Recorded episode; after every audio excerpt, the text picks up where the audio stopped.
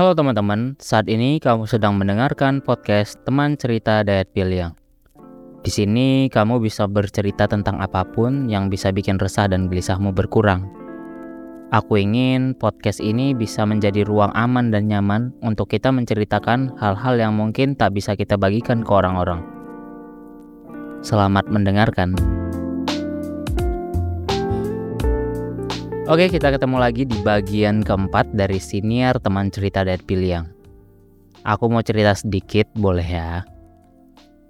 Jadi akhir-akhir ini itu aku ngerasa senang banget karena kamu-kamu sudah mulai banyak yang mau terbuka sama aku. Mau menumpahkan isi hati dan gelisahnya meski itu hal sensitif sekalipun, kayak episode kemarin kan. Uh, dan seperti yang aku sebutkan juga di Telegram kalau kemarin sebenarnya sudah uh, nge-record atau ngetek podcast uh, episode ini gitu. Tapi nyatanya ada kejadian yang tidak bisa atau di luar di, di luar kontrol uh, kita, di luar kontrol aku juga gitu kan ya yang mana mati listrik. Begitu. Jadi ya mau tidak mau ditunda dan dilanjutkan hari ini dan langsung diupload malam ini. Jadi kalau kamu mendengarin ini ini di take jam 2 siang waktu Indonesia bagian tengah. Karena lagi di Lombok gitu. Ya gitulah. Oke. okay tapi ya apa namanya eh oh iya aku juga sebenarnya apa ya kayak episode yang lalu sebenarnya sedih juga. Ada rasa sedihnya gitu karena cuma cuma bisa dengerin gitu nggak bisa berkontribusi apa pun melakukan tindakan segala macam karena keterbatasan banyak hal ya. Itu kalau misalnya seandainya aku punya resource yang banyak apa segala macam gitu ya bisa aja mungkin di uh, dibuat seperti apa namanya melakukan tindakan tapi nyatanya kan terbatas. Cuma bisa dengerin aja. Tapi ya semoga siniar teman cerita Deadpool yang ini bisa berjalan sesuai dengan harapannya. Menjadi ruang aman dan nyaman untuk kita semua bercerita gitu. Dan kerahasiaanmu terjamin di sini. Nggak akan diumbar. Bahkan email kamu sendiri pun cuma aku yang tahu. Email yang kamu kirimkan untuk bercerita itu cuma aku yang tahu. Jadi jangan lupa ceritakan semuanya di sini lewat email teman at gmail.com. Oke, mari kita masuk ke cerita pertama. Oh, bukan cerita pertama. Ini hanya ada satu cerita hari ini karena ceritanya juga panjang ya gitu dan kayaknya lebih efisien untuk kita uh, mendengarkan satu cerita setiap satu episode gitu loh. Uh, jadi kita mungkin lebih ringan aja ngedengarinnya dan lebih fokus uh, dalam ya kayak ngetrit orang satu persatu aja gitu ketika lagi cerita gitu nggak yang paku apa namanya kayak jadi seminar gitu kan aneh banget gitu jadi nggak fokus jadi terlalu terburu-buru tergesa-gesa Oke, jadi ini dia cerita dari teman kita. Uh, ini bisa dibilang CLBK yang mungkin gagal ya, karena aku udah baca kemarin ya. Uh, mari kita mulai ceritanya. Dikirimkan oleh teman kita perempuan. Hai sebelumnya, aku eh bukan gitu. Hai, Sebelumnya aku minta maaf memakai memakai email sekonaka eh, se, sekon eh gimana tuh bacanya sekanakau eh sekanakau sekanaka aku. Jadi ini email, email dia bukan yang utama. Aku seorang perempuan, maaf jika nama emailku seorang laki-laki karena mengenang nama kucing aku. Aku mengirimkan email ini karena aku ingin meminta saran dan ingin didengarkan ceritaku ini. Sedari SMP, aku menyukai salah satu teman rumah, teman SMP ku. Sebut saja nama dia AI. Artificial Intelligence, bukan. Kami berbeda usia satu tahun saja. Namun aku terlalu takut untuk bersikap so akrab dengannya karena dia seorang laki-laki pemalu kala itu. Ketika aku masuk SMA di, ko di kotaku, kala itu dia menghubungiku lewat DM Instagram. Ya, kami hanya basa-basi menanyakan kabar juga perihal sekolah masing-masing. Dan berakhir hanya dibaca saja DM-ku yang terakhir kala itu. Di bulan Januari tahun 2022 tepatnya, setelah aku membuat story di Instagramku, yang mana aku mengupload sebuah video bersama keponakanku yang sedang dirawat di rumah sakit, dia nge-replay storyku. Dari sinilah hubungan kami bisa akrab kembali dan berlanjut chatting di WhatsApp. Kala itu memang aku sedang sendiri. Dia pun juga sendiri. Tapi bagiku mustahil saja dia sendiri karena sekarang dia sudah semakin keren dan manis hingga akhirnya rasa lama mulai tumbuh kembali. Singkat cerita, sewaktu itu aku memang belum bekerja lagi dan mencoba part-time. Setelah part-time usai, aku kembali menganggur dan eh menganggur di rumah sambil mencari pekerjaan lain. Di bulan Juli 2002, 2002 dia pulang ke rumah karena dia anak rantau dan menghubungiku bahwa ingin bermain bersamaku. Memang, kerap kali ketika dia pulang, dia mengajakku untuk keluar berdua. Namun selalu gagal. Entah aku yang nggak bisa atau dia yang nggak bisa. Saat itu aku mengiyakan ajakannya karena ada karena ada waktu kosong. Singkatnya beberapa hari setelah kepulangannya di suatu sore di hari Kamis, dia berpamitan denganku dan aku menyusulnya ke stasiun guna memberi sebuah kado yang telah aku janjikan kepadanya saat ulang tahunnya. Aku akan memberinya kado, namun aku ingin memberikannya secara langsung padanya. Bukan e, mungkin bisa dikatakan kami berpisah. Di stasiun itu adalah perjumpaan kami yang terakhir kalinya. Keesokan harinya saat dia tiba di kota tempat dia merantau dan telah tiba di kosannya, dia membuka isi kado dan membaca isi suratnya. Mungkin baginya terkesan berlebihan isi kadonya, tapi bagiku biasa aja, karena aku juga sering memberi kado kepada teman-temanku saat mereka ulang tahun. Aku berharap isi kado tersebut digunakan olehnya. Namun betapa menyakitkannya isi dari pesan WhatsAppnya begini. Hahaha, kado dari mana? Eh, ka kado dari kamu baru aku buka pas sampai kosan. Makasih banget ya, Ai. Nama panggilanku dengan dia. Gara-gara kamu ngasih aku, jadi nggak enak ngerepotin kamu. Uang dari mana kamu? Kan belum kerja.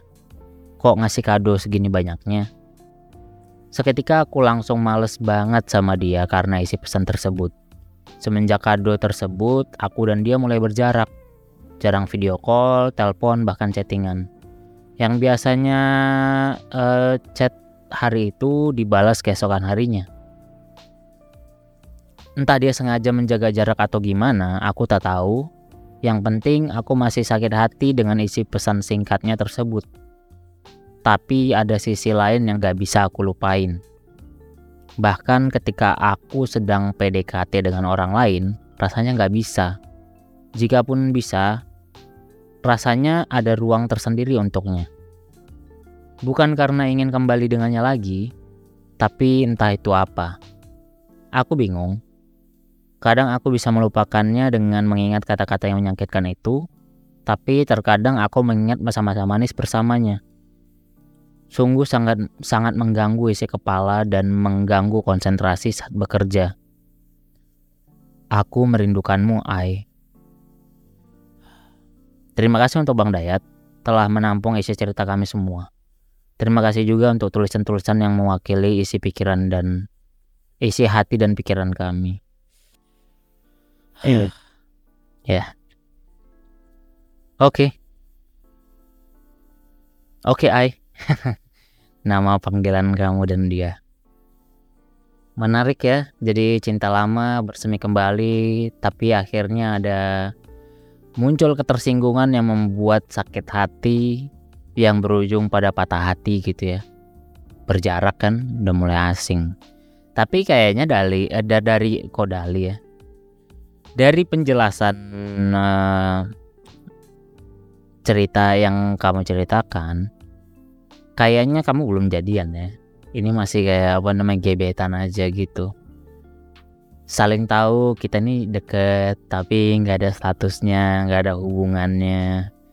Kalau misalnya si cowok itu deket sama cewek lain kamu mau cemburu juga bingung gitu kan. Tapi udah udah mulai berjarak juga ya. Tapi yang aku lihat ya, sebenarnya bukan sepele juga. Karena nggak bisa kita ini juga. Aku kan nggak berada di posisimu saat itu. Tapi kalau misalnya mau diambil uh, sudut pandang objektifnya, ketika dia apa namanya, ketika dia ngechat kayak yang menyinggung kamu itu, dia kan ngechat itu kan nyampe di kota perantauannya dia terus dia nyampe kosan dia buka kado dia uh, kaget mungkin dengan isi kadonya baru ngeliat terus akhirnya dia mengirimkan pesan itu. Nah kalau dari yang aku lihat dari penjelasan di cerita dia kan orangnya pemalu ya. Dan kayaknya dia juga orangnya nggak enakan mungkin ya nggak tahu juga. Tapi kalau dia misalnya orangnya seperti itu berarti ketika kamu ngasih kado dan kamu udah biasa ngasih kado ke orang-orang yang kamu kenal gitu kan kamu bilang. Dan ini mungkin sedikit lebih spesial karena ini seseorang yang kamu suka kamu cinta. Jadi mungkin kamu uh, agak sedikit over di isinya gitu. Beda dengan teman-temanmu yang lain bisa jadi kan? Jadi reaksi yang didapatkan dari orang yang mungkin orangnya pemalu dan gak enakan yang mungkin dia bukan tipikal orang yang menerima hadiah di hari ulang tahunnya dia akan kaget gitu. Dia kaget kayak wah kok sebanyak ini nih hadiahnya gitu. Dan uh, bisa jadi nadanya beda gitu. Karena kita karena kita kadang suka ngambil kesimpulan secepat itu gitu. Padahal nggak kayak gitu maksudnya kayak misalnya kan bisa jadi dia chatnya tuh gini nadanya. Hahaha kado dari kamu baru aku buka nih pas udah sampai kosan. Makasih banget ya hai gitu. Karena dia ucapin makasih loh. Terus baru dia uh, lanjut di kata-kata yang mungkin menurut kamu ini menyakitin hati menyakitin hati kamu gitu kan. Uh, uang dari mana kamu? Kan belum kerja. Kok ngasih kado segini banyaknya? Jadi mungkin ini bukan kalimat merendahkan, tapi ini kayak uh, kok kamu repot-repot mengusahakan ini gitu kan, mengusahakan memberi kado ini, sedangkan kamu tidak bekerja gitu. Yang mana kalau nggak bekerja kan asumsinya kita tidak punya uang gitu kan. Jadi dia kayak kaget aja gitu. Kamu cerita kamu udah lagi nggak kerja gitu kan. Akhirnya dia uh, kaget ketika diberi hadiah sebanyak itu. Aku nggak tahu ya hadiahnya seberapa banyak dan apa aja isinya gitu kan. Dan bagi orang yang mungkin nggak pernah diberi kado apalagi sama seorang cewek pasti kesan pertamanya kaget luar biasa gitu. Makanya kita jangan apa-apa jangan memakai sudut pandang kita gitu. Kita coba pakai helikopter view. Gimana kalau misalnya uh, dia men, di, dengan karakter yang seperti ini reaksinya akan seperti apa ketika diberikan ini gitu. Ya kalau kamu kan udah biasa katanya kan. Gitu. Jadi ya bisa jadi ini cuma perbedaan perspektif aja gitu. Sudut pandangnya beda uh, ya cara melihatnya beda ya gitu.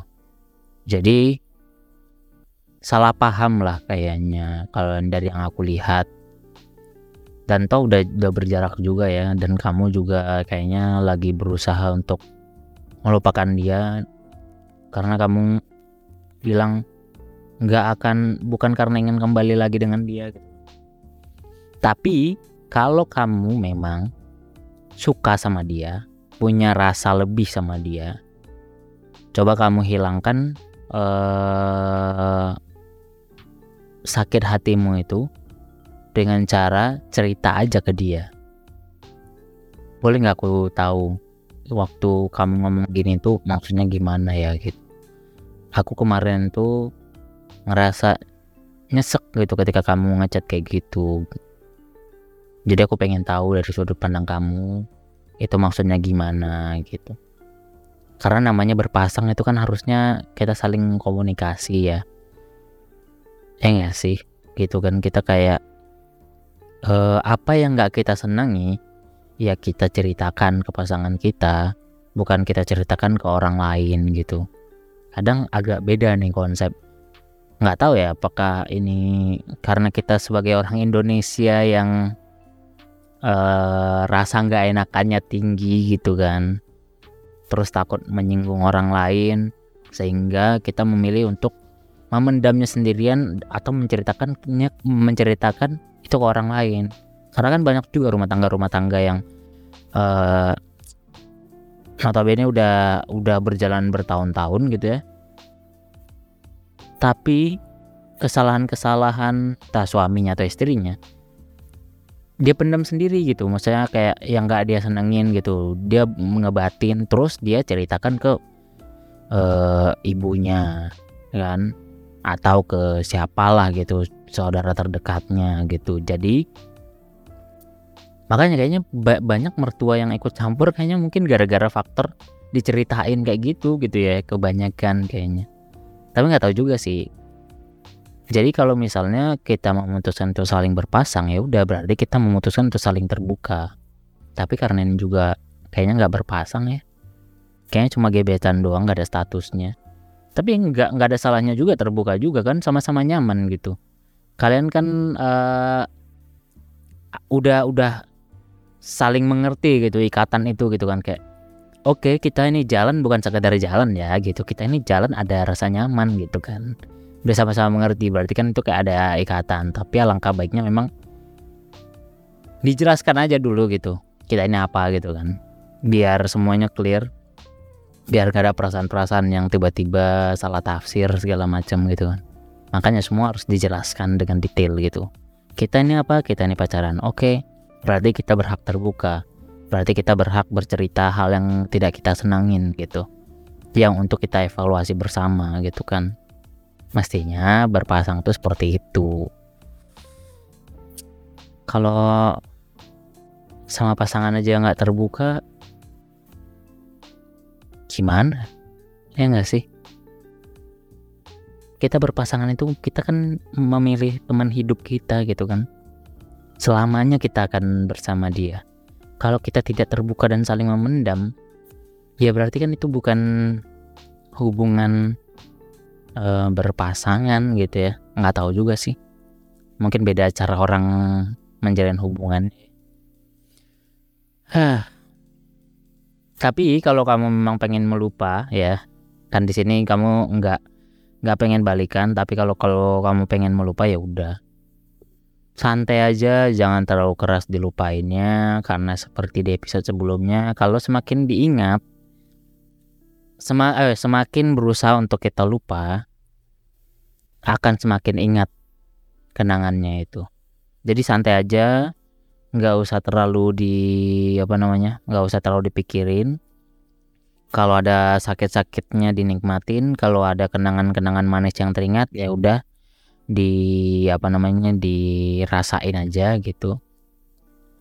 Nggak usah terlalu keras untuk melupa karena definisi apa namanya uh, cara paling tepat untuk melupakan ya udah dengan membiarkan waktu melepas segala kenangan-kenangan yang udah ada di kepala kita gitu kan.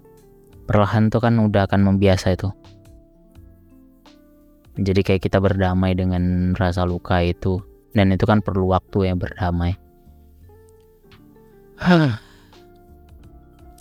Ya gitu I